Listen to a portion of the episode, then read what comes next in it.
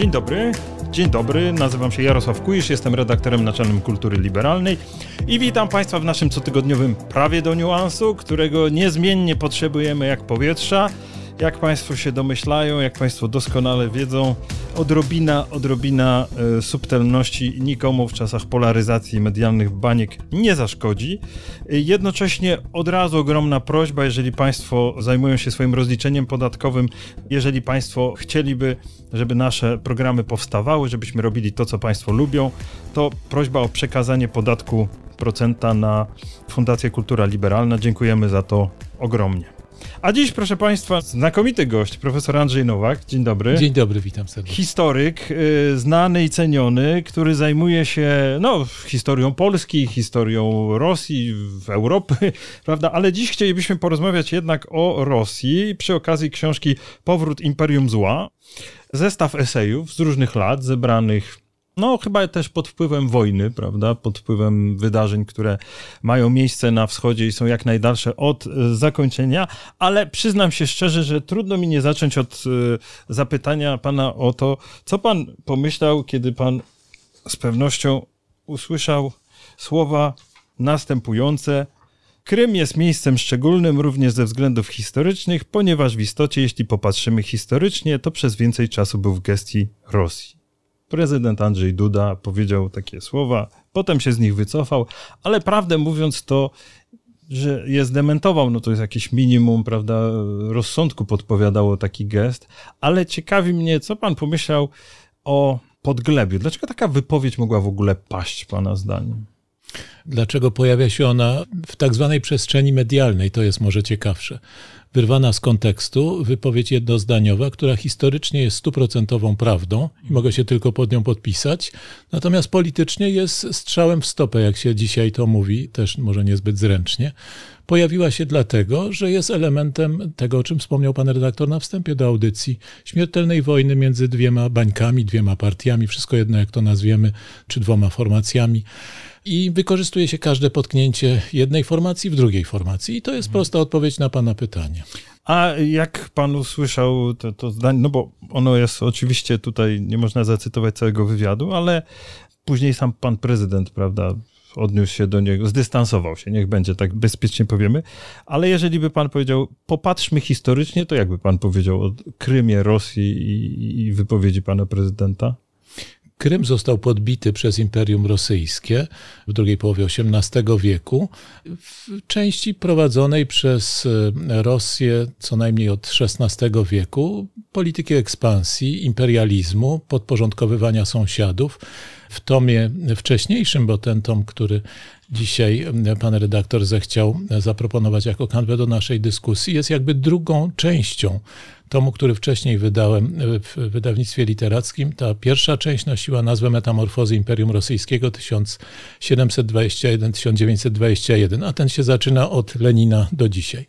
Otóż w tym pierwszym tomie opisuje właśnie, jak Rosja wykorzystywała techniki imperialne, ćwiczyła je jednocześnie wobec Krymu, wobec Rzeczpospolitej, wobec stepu kazachskiego. Wymieniała te doświadczenie, jak najskuteczniej prowadzić ten podbój, jak podzielić elity, jak wykorzystać podział na partie. Na Krymie w XVIII wieku był taki sam podział na dwie zwalczające się partie, jak w Rzeczpospolitej tamtego czasu i jak dzisiaj w Rzeczpospolitej.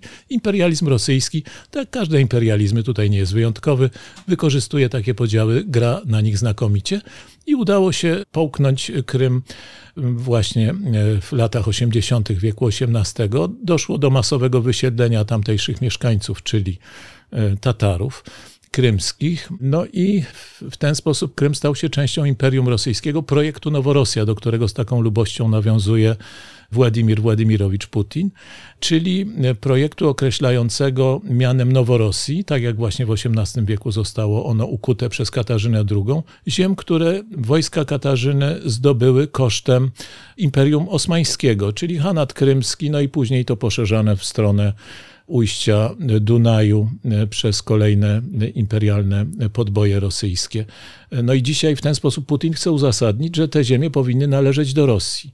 Tymczasem, jak wiadomo, no, w ciągu trwania tego imperialnego systemu kontroli, asymilacji, kolonizacji, wszystko jedno jak to nazwiemy, tego obszaru przez Rosję, następowała wymiana ludności nie tylko przymusowa, ale i taka, powiedziałbym, naturalna, ruch ludności. Ukraińska ludność, czy to słowo jest trochę anachroniczne, bo nie było Ukraińców w dzisiejszym tego słowa znaczeniu w wieku XVIII, ale Rusini prawosławni, mówiący językiem podobnym do dzisiejszego języka ukraińskiego, tak można by to ostrożnie powiedzieć, zasiedlali masowo te tereny, które były najbliżej ich miejsca osiedlenia, niekoniecznie gdzieś y, w cudzysłowie Rosjanie z okolic Nowogrodu Wielkiego czy czy Uściługa, tylko właśnie ci, co nad Dnieprem mieszkali, trochę dalej na południe, dół tego Dniepru idąc, mogli dojść na Krym i stopniowo tak właśnie ukrainizował się, w cudzysłowie, Krym. Pokojowo, nie imperialnie, choć w ramach imperium, w ramach imperialnej polityki asymilacji, bo oczywiście w imperializmie rosyjskim nie zakładano, że pojawi się coś takiego jak naród ukraiński i będzie to kłopotem największym dla tego imperializmu, większym nawet niż Polska. No i y, jak wiadomo, y, to też Putin zawsze podkreśla, akurat w tym tomie, moim zdaniem, najciekawszy rozdział, choć do wszystkich jestem przywiązany, ale ten, w który włożyłem najwięcej serca i napisałem go jako ostatni Putin teraz. jako historyk. Putin jako historyk, tak.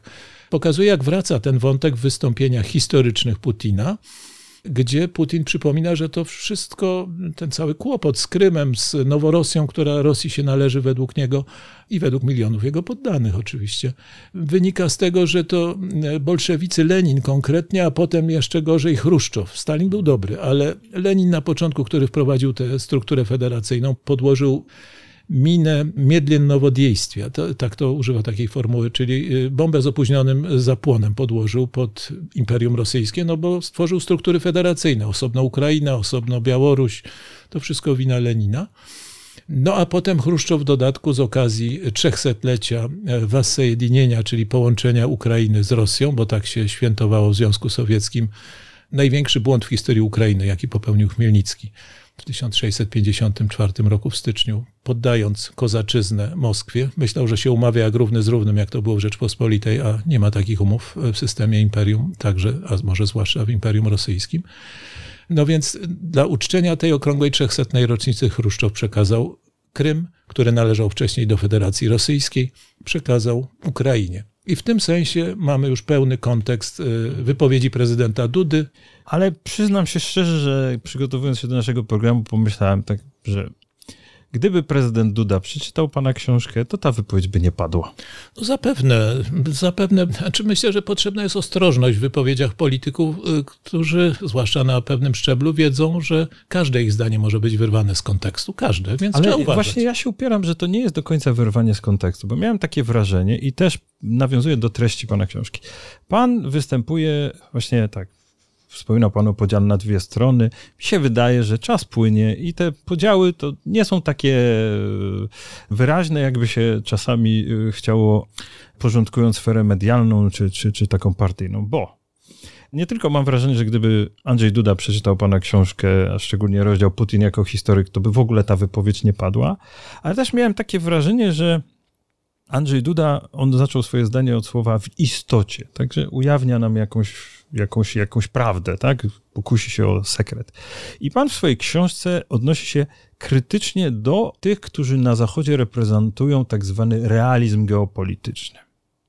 I ja miałem wrażenie, że nasz prezydent Andrzej Duda przez moment swojej wypowiedzi pokusił się o pójście w tym kierunku. No, słuchajcie, może jest tak, może jest siak, ale w istocie to ten Krym w domyśle, no przecież taka jest konkluzja tej, tej wypowiedzi, pewnie pozostanie rosyjski. Tak?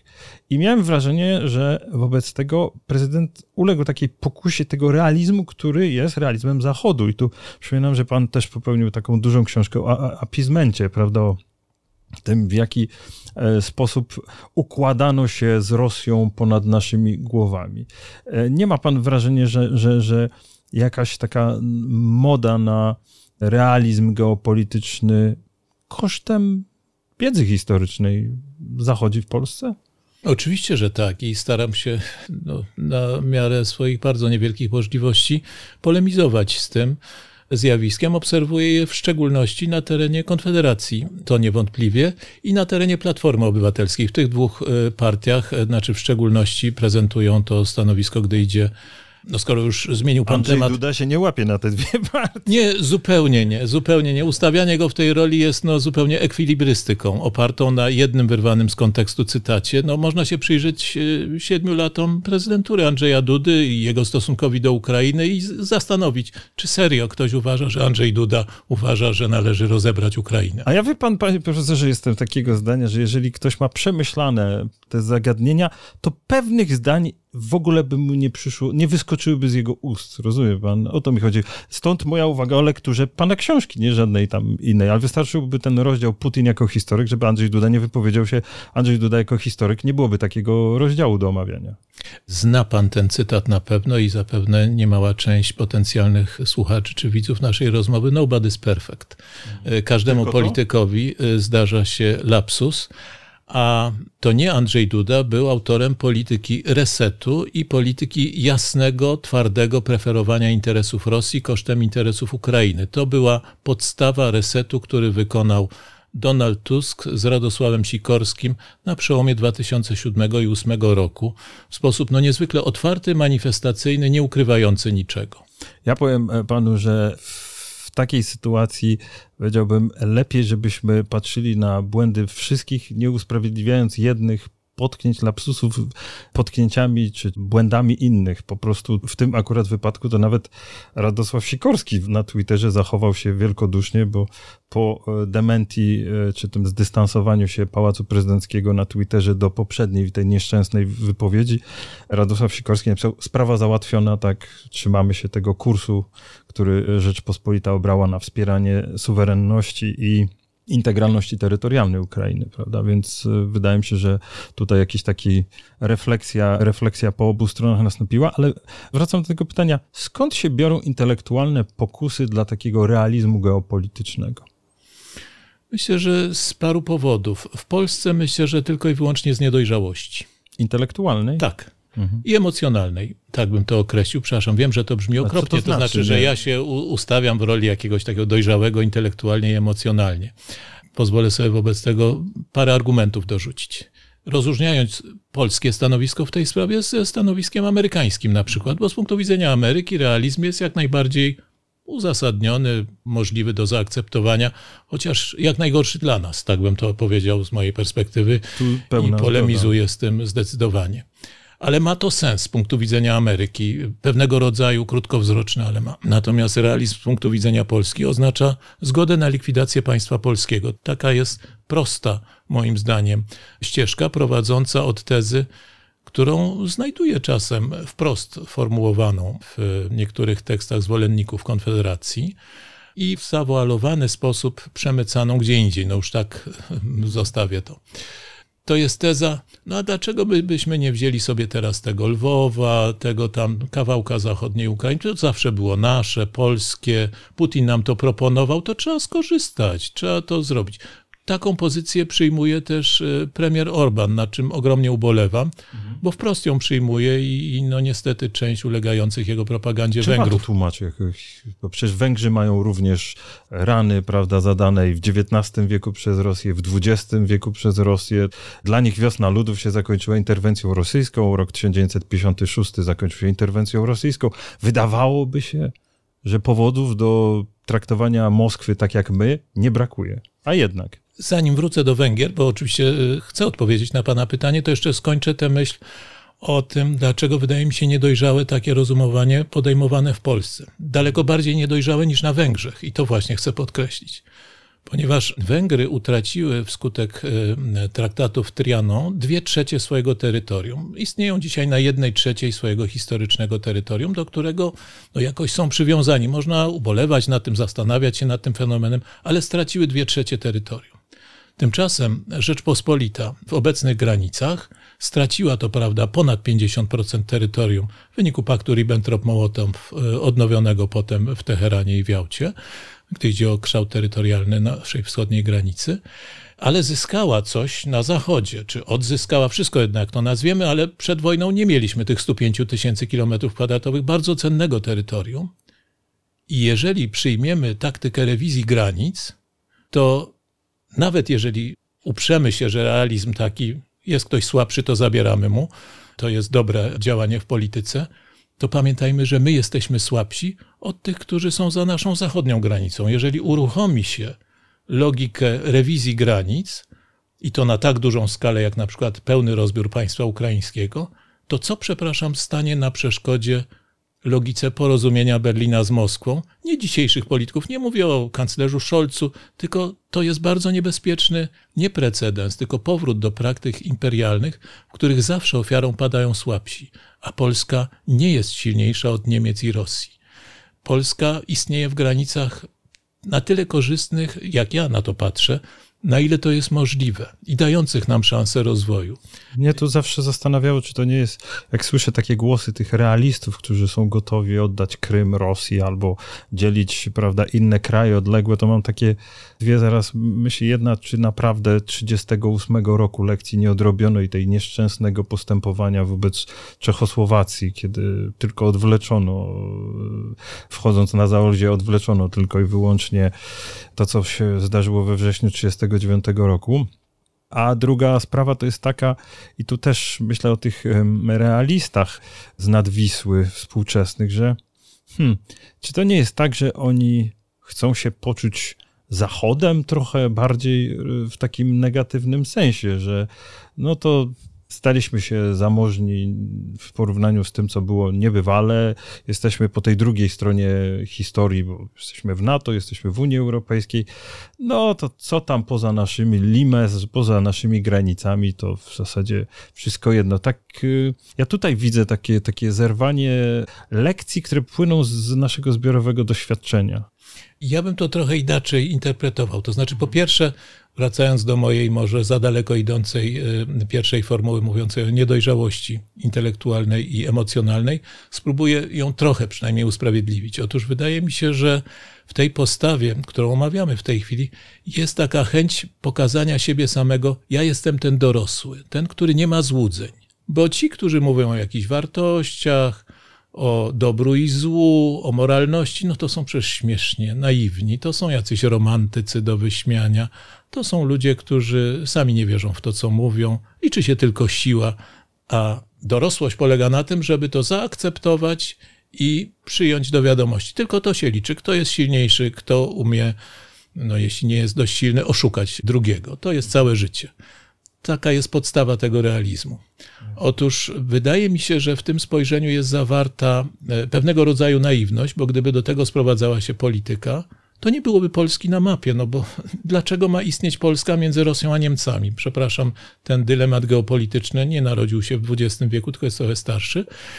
I zadaję to pytanie, dlaczego Polska istnieje, prawda? No, skoro liczy się tylko siła, jest słabsza od swoich sąsiadów, nawet pojedynczo, a tym bardziej wspólnie działających. Dlaczego miałaby istnieć Estonia, nie? Prawda? Jeszcze mniejsze Tym bardziej, kraje, tak. No, prawda? można to na rozmaitych przykładach, ale mówię o tym najbliższym, no, koszula najbliższa ciału. Mnie interesuje zwłaszcza Polska, chociaż bardzo interesuje się Estonią i tak dalej i współczuję tym krajom i życzę im jak najlepiej podobnie jak Ukrainie i Rosji zresztą tak samo, tylko no właśnie z tego życzenia wynika no, sugestia, że Rosja może w XXI roku przetrwać tylko w momencie, kiedy pożegna się w końcu ze swoją imperialną spuścizną, co będzie bardzo skomplikowane. Ale zostawmy ten wątek, bo miałem dokończyć y, sprawę no, pewnej niedojrzałości, tutaj jak mi się wydaje, emocjonalnej. Otóż ta chęć bycia dorosłym niekoniecznie nawiązuje tylko do Zachodu, bo pan ujął to w ten sposób, że chcą być tacy jak na Zachodzie, no powiedziałbym jak na imperialnym Zachodzie.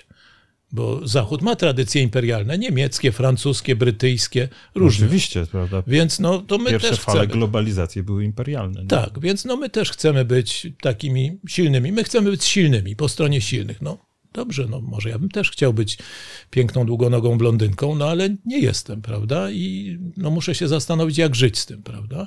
No ci, którzy chcą, żeby Polska była takim mocarstwem jak Anglia, powiedzmy, w XVIII wieku, albo jak Niemcy w czasach Bismarcka, czy Rosja w czasach kanclerza Gorczakowa, tych samych co czasy Bismarcka, no to powinni sobie zadać to pytanie, jak to ma wyglądać między Rosją a Niemcami, które wracają do tej samej logiki. No bo dlaczego my tylko mamy myśleć kategoriami imperialnymi, a inni co będą tymi naiwnymi liberałami, których będzie można oszukiwać, tylko my będziemy budowali imperium, prawda? I oszukamy sprytnie wszystkich naszych sąsiadów, głupich szkopów, przepraszam, celowo używam takiego określenia pogardliwego, czy fałszywych mochów na wschodzie. No tak, tak wygląda jakby założenie intelektualne tej konstrukcji. My umiemy, my potrafimy, my jesteśmy najsilniejsi, a nasi sąsiedzi znikają z mapy albo są głupkami, których ogramy słabszymi. Czyli no to tak by była jest. kwestia dojrzałości, tak? Że, że ktoś chce właśnie wejść do takiej, powiedziałbym nawet na skróty do klubu kieszonkowych mocarstw. No w ogóle takiego. roi sobie o takim mocarstwowym y, położeniu w sytuacji, kiedy przyjęcie tej logiki powoduje, że silniejsi od nas, a są silniejsi, są niestety wokół nas, też będą używali tej logiki i my padniemy jej ofiarą. Tak na to patrzę. Ale w dodatku jest coś jeszcze ważniejszego w tym. A mianowicie założenie, że Zachód, że nasza cywilizacja, może nie wiem, czy słowo Zachód jest tutaj dobre, nazwałbym ją Europą raczej, bo można się zastanawiać, czy Polska należy do Zachodu, czy nie, ale do Europy na pewno należy. Tak mi się przynajmniej wydaje, nie tylko geograficznie. Otóż, czy w cywilizacji europejskiej siła zawsze zwyciężała i tylko siła się liczyła? Myślę, że to jest niedojrzałe spojrzenie z punktu widzenia historyka, tak mi się wydaje, że nie tylko siła oczywiście jest bardzo ważna, nie neguję jej budowania i w sferze gospodarczej, i w sferze militarnej. Nie jest tak, że jestem jakimś naiwnym romantykiem, który mówi rozbrójmy się, nie miejmy gospodarki. No to też zależy od definiowania siły, prawda? Bo rozumiem, że tu chyba No chodzi o siłę militarną, prawda? To jest rodzaj takiej zawoalowanej, albo może nawet bez żadnego tutaj owijania w bawełnę, po prostu apologia siły militarnej i tu znowu zgoda i zdziwienie, tak? Że był tak dla mnie ta wypowiedź Andrzeja Dudy to było takie, takie zaskoczenie na wielu poziomach e, intelektualne, bo tam krytyków, czy tych, którzy się obśmiewali, to zostawiam, to już i tak się przetoczyło, ta fala, fala jest za nami, a, a Pałac Prezydencki zareagował prawidłowo, natomiast e, zastanawiam się nad tym, skąd takie pokusy. I tak znowu odwołując się do pana, pana publikacji, jest w Polsce ten taki trend takiego flirtowania z Rosją. I zastanawiam się, na ile to, na ile ten flirt taki endecki, prawda, gdzie jest taka pokusa do tego, żeby flirtować z Rosją, jest takim mm, niewyciąganiem wniosków z e, naszej wspólnej historii.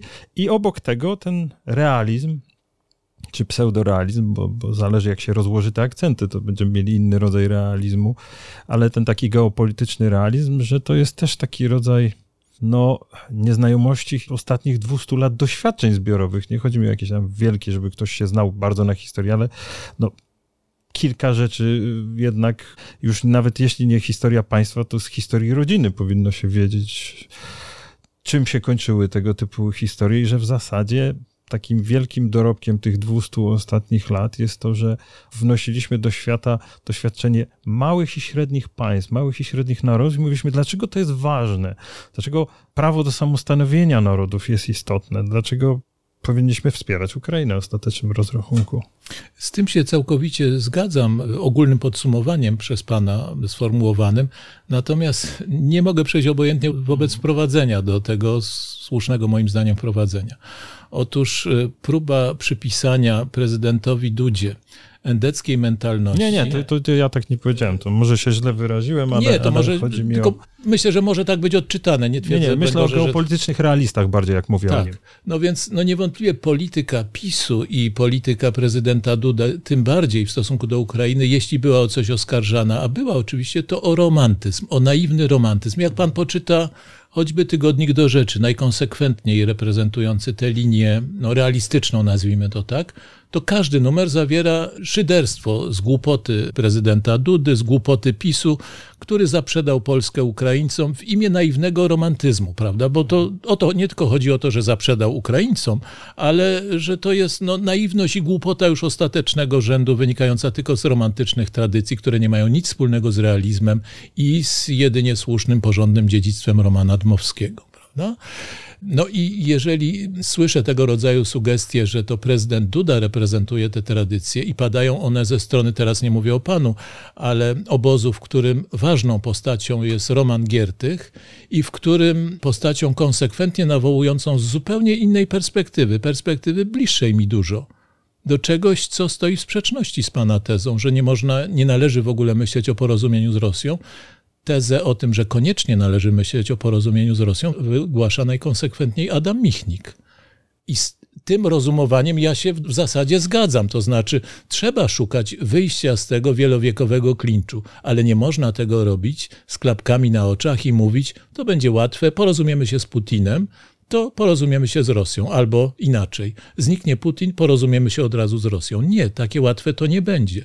Długofalowo marzę o tym, żeby na przykład móc pojechać do Rosji, żeby korzystać z zasobów jej kultury, które bardzo szanuję i podziwiam i lubię po prostu, bez pewnego rodzaju moralnego dyskomfortu, no, że no, to jest coś za coś, prawda?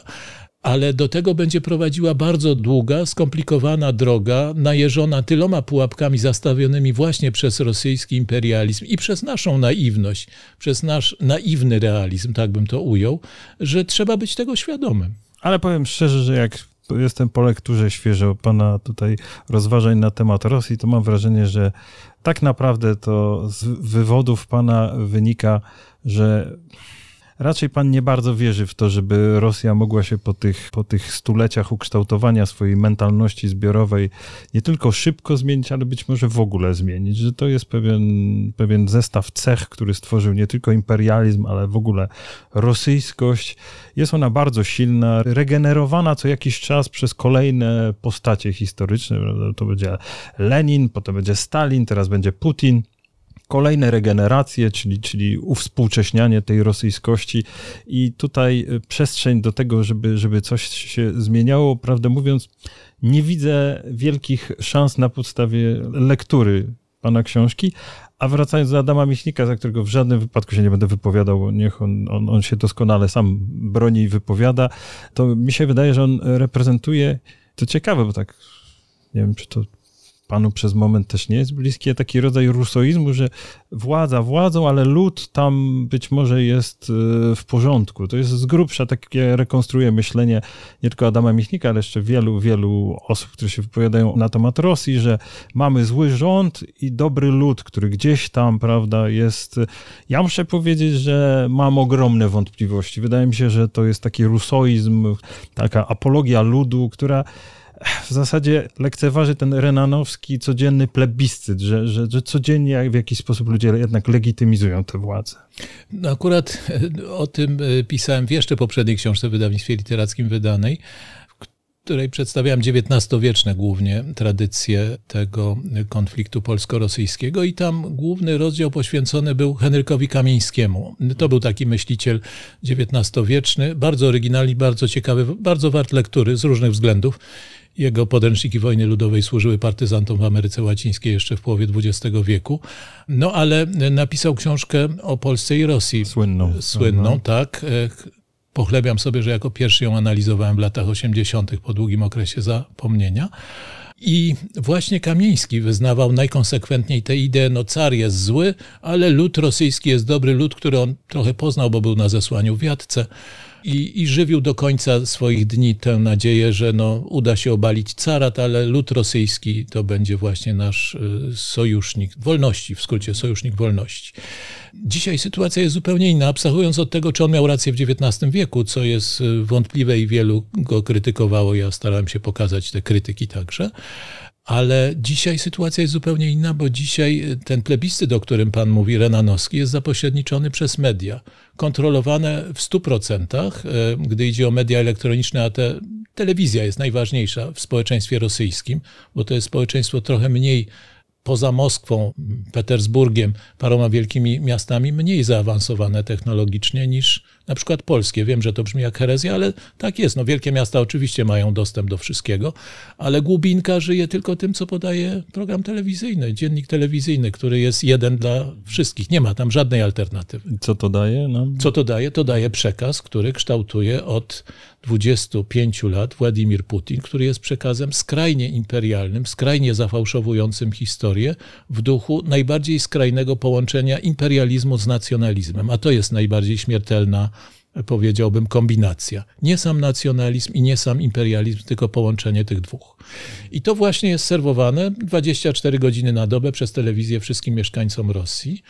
pobudzane jeszcze no, czymś ważniejszym, bo telewizja telewizją, ale oprócz tego toczymy prawdziwe wojny. No, odbiliśmy kawałek Gruzji w 2008 roku, na co zwrócił... No, Czeczenia najpierw. No, Czeczenia to jeszcze wewnętrzne jakby imperium w ramach Federacji Rosyjskiej, ale potem Gruzja, gdzie tak ośmieszano prawda, wyjazdy prezydenta Kaczyńskiego, który solidaryzował się z napadniętymi Gruzinami, zwracając uwagę na to niebezpieczeństwo. No a potem Ukraina i to mobilizuje jakby te zasoby nacjonalnego imperializmu czy imperialnego nacjonalizmu, wszystko jedno jak to nazwiemy, i wydaje się nie być alternatywy, żeby nastąpiła zmiana, Rosja musiałaby znaleźć się pod okupacją, jak Niemcy w 1945 roku. Niemców też nie było łatwo zmienić ogromna większość, Dekady zajęło. ogromna większość myślała tak jak Adolf Hitler, chociaż on rządził tylko 12 lat. Ale większość, nie wiem czy ogromna, ale na pewno większość Niemców popierała Adolfa. Hitlera. I wiemy, jak trudne to było i dokonało się tylko pod zewnętrznym przymusem. Mam wrażenie, Podobnie że tylko taki przecież. niewyobrażalny scenariusz, bo dzisiaj nikt sobie przecież nie wyobraża okupacji Rosji przez jakieś zewnętrzne siły, ale taki scenariusz jest jedynym realnym w tej chwili scenariuszem dojścia do, do pewnego modus vivendi z Rosją i Rosjanami. Co nie znaczy, że nie ma pojedynczych, a może nawet tysięcy czy setek tysięcy, ale w 140 czy 150 milionowym narodzie to są tylko setki tysięcy Rosjan, którzy myślą, no nie chcę powiedzieć tak jak pan i ja, bo myślimy różnie, ale myślą w taki sposób, że bez problemu się z nimi porozumiemy, że się z nimi zgodzimy. W sprawach najważniejszych, w detalach się różniąc między sobą. To jest znikoma mniejszość. Ona jest i dlatego nigdy nie pozwolę sobie powiedzieć, że Rosja jest stracona na zawsze, bo mam przed oczami ludzi, z którymi mam zaszczyt y, się przyjaźnić i znać ich. No oczywiście, ale wyjątki zawsze się... Tak, no i to jest z kolei realizm bez cudzysłowu i bez żartu. Trzeba brać pod uwagę rzeczywistość, w której oni są mniejszością, która nie będzie decydowała o Bo mam wrażenie, że ten nasz sposób myślenia i tutaj zwrócę Państwa uwagę na Zygmunt Krasiński, Rosja, znakomity wybór publicystyki, nie tylko publicystyki, naszego wieszcza na temat Rosji, że jak stawiamy diagnozy, i zresztą Pan przed chwilą przedstawił takie, taki scenariusz, że, że Rosja mogłaby się zmienić tylko gdyby uległa, prawda, sile zewnętrznej, no to w memoriale z 1854 roku Zygmunt Krasiński pisze, jeżeli Rosja ma przestać być plagą, to jest na to jeden tylko sposób doprowadzić ją do zupełnej niemocy. Wszelki pokój zawarty przed tym ostatecznym rezultatem pogorszy tylko sytuację. Ja mam wrażenie, że pewne sposoby myślenia w Polsce o Rosji się zmieniają od 200 lat. One wynikają z pewnego doświadczenia historycznego, geopolitycznego, kulturowego. Tak się złożyło, że no też w tym poprzednim tomie, stanowiącym pierwszą część dylogii, jaką ten tom, który dzisiaj omawiamy, e, zamyka, główny rozdział poświęcony jest właśnie Krasińskiemu. Nie, tu jest. A tu jest. Tu nawet, jest, to, tu nawet jest. już. Więc właśnie, no... Ten tekst został napisany 40 lat temu, dlatego już nie bardzo pamiętam, kiedy Z lat 80. tak, w 82-3 roku go napisałem. I no to był też określony kontekst. To był kontekst, y, przypomnijmy, y, umierał Breżniew, przychodził Andropow, zestrzelono samolot koreański, znaczy sowiecka tak zwana obrona przeciwlotnicza zestrzeliła, jakby ta wojna zdawała się wisieć na włosku. U nas stan wojenny z ramienia Moskwy wprowadził generał Jaruzelski. No, Rosja ciążyła bardzo nad światem, znacznie bardziej Rosja imperialna w e, formie Związku Sowieckiego niż, niż dzisiaj ma to miejsce. I to właśnie doświadczenie, które polska elita polityczna, przez elitę rozumiem tych, którzy zajmują się polityką, którzy przeżywają politykę. W XVIII wieku to byli ludzie, no właśnie, z rodu krasińskich, prawda? E, Nie chcę tu dyskutować o chłopstwie i o e, takich problemach osobnych, ale na jakąś inną na inną okazję, tylko mówię, że elita Rzeczpospolitej, czyli ci, którzy w polityce byli, zajmowali się nią, to były dziesiątki tysięcy szlachty, w skrócie można tak powiedzieć, jakaś część mieszczaństwa, przeżywała to w postaci no, trzech rozbiorów w XVIII wieku, w postaci Konfederacji Barskiej kolejnych powstań, doświadczała przemocy imperialnej i doświadczała manipulacji imperialnej i technik podboju i kontroli imperialnego. Ja tak się zastanawiam, wyszliśmy od, od e, rozmowy o słowach Andrzeja Dudy i moja propozycja była taka, żeby zastanowić się, jak w ogóle takie słowa mogłyby paść, bo założenie przyjmuję, że jak się zdobywa pewien zasób wiedzy, to po prostu nie przychodzi do głowy, żeby coś takiego powiedzieć. A teraz e, zastanawiam się, jak pan pisze, podsumowuje te ostatnie 300 lat relacji polsko-rosyjskich, także intelektualnych. Jakie dla nas lekcje z tego wynikają? Bo można być zawsze przeciw. Zawsze można powiedzieć, że Rosja jest, tak jak to Krasiński pisał znakomicie, pięknie, prawda? Rosja jest tym mocarstwem, które, które się nie zmieni, które będzie się regenerować imperialnie.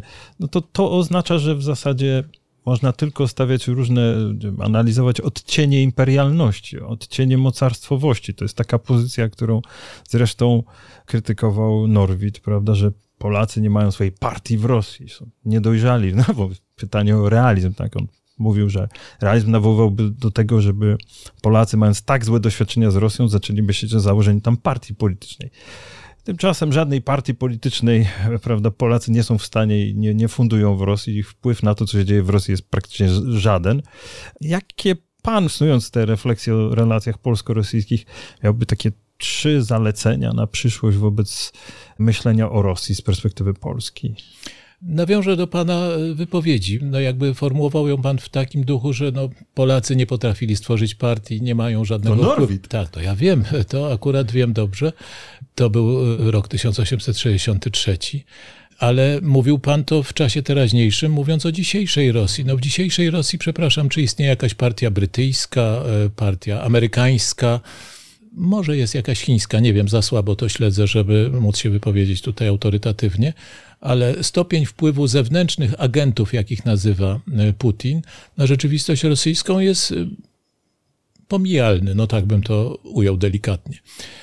I w takim kontekście nie można wpadać w mikromanię i powiedzieć, no to my nie umieliśmy, no jesteśmy blisko, nie mamy swojej partii, no żałosne, no Polska jak zwykle nic nie umiała nie, zrobić. To, to nie co umie... robić właśnie, jak nie, nie, nie. lekcje Celowo tego. używam mhm. tego jako punktu wyjścia do mojej odpowiedzi na pana pytanie, ponieważ Sformułowanie mikromania jest częścią odpowiedzi na to pytanie. Trzeba unikać zarówno mikromanii, to znaczy, no nic nie możemy, nic nie potrafimy, no muszą to zrobić za nas inni silniejsi, prawda? To znaczy, no niech to zdecyduje Berlin, albo Bruksela, albo Waszyngton, no albo Rosja. No, no Rosja to jakoś rozwiąże, bo jest od nas silniejsza, a my sami nic nie potrafimy, no niestety beznadziejni jesteśmy.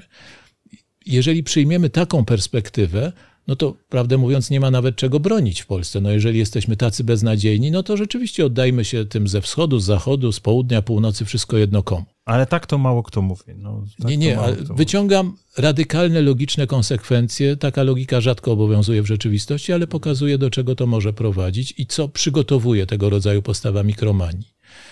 Przygotowuje kapitulację. Megalomania Natomiast drugi biegun, którego także należy unikać, oparta jest no, na tym, o czym mówiliśmy wcześniej, na założeniu, no to my stworzymy tutaj imperium, my będziemy tą potęgą, rozdamy karty, przeprowadzimy rozbiór Rosji, załatwimy sprawę elegancko, nie będzie Rosji, prawda? No ani tak, ani tak. Potrzebne jest rozumowanie realistyczne, nie w sensie takim, o jakim e, rozmawialiśmy na początku, czyli reprezentujące pewną imperialną szkołę myślenia, myślenia kategoriami imperialnymi, tylko zwrócenie uwagi na rzeczywistość, w której my mamy określone zasoby, środki, tradycje, które sprawiają, że jednak jesteśmy trochę inni od Rosjan, trochę inni przez swoją tradycję. Ta no tradycja bardzo, jest ważna. Nawet. Nasza tradycja jest naprawdę, choćby nie wiem, jak silnie ktoś nam wmawiał, że to jest tylko tradycja uciskanego chłopstwa, ona jest ważna. I... Oj, cięty pan jest, chyba będziemy musieli porozmawiać nie, o tym. Nie, to, to jest część mojej tradycji, bo z tej tradycji się wywodzę. Ale ta tradycja polityczna, która uformowała polskość, to jest tradycja obywatelska, tradycja wolności republikańskiej, jak w żadnym innym kraju w Europie oprócz Szwajcarii, Holandii i może do pewnego stopnia Anglii. W żadnym innym poza tym. Dla mnie to jest powód do dumy, do tego, żeby się zastanawiać nad błędami, jakie popełniliśmy, ale do tego także, żeby nie myśleć, że to można wyrzucić na śmietnik i powiedzieć, no teraz będziemy inaczej rozumowali, to już nie jest ważne. Dogadajmy się z tymi, którzy myślą kategoriami imperialnymi na ich warunkach. Nie. Próbujmy wpływać na rzeczywistość na miarę naszych możliwości, żebyśmy mogli zachować te wartości, które z tradycji wynieśliśmy i które mają swoje miejsce w rzeczywistości politycznej XXI wieku. To znaczy, zarówno budować koalicje słabych, to co wyśmiewane jest tak właśnie jako romantyzm, idea Trójmorza, czy Międzymorza, wszystko jedno jak to nazwiemy, ale pojmowana realistycznie, nie w tym duchu pierwszy krok do rozbioru Rosji, który sami przeprowadzimy, tylko jako infrastrukturalne połączenie i no, budowanie pomostów mentalnych także i politycznych w końcu między krajami, które rozumują podobnie zagrożenie rosyjskie jak my. Od Finlandii, Szwecji, poprzez te mniejsze republiki nadbałtyckie, aż po Mołdawię i Rumunię, zwłaszcza Bułgarię także.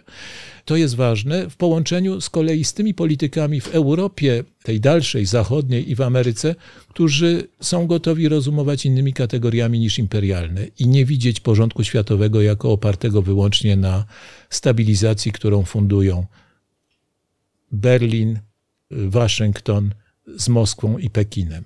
Właśnie o to chodzi, żebyśmy próbowali grać na różnych, przepraszam, że użyję tego określenia, fortepianach i nie rezygnować przy tym ani z naszego własnego zdania, ani nie przeceniać jego siły i wierzyć w to, że od razu zmienimy jednym wieszczym głosem rzeczywistość, dlatego że nam się należy ta zmiana.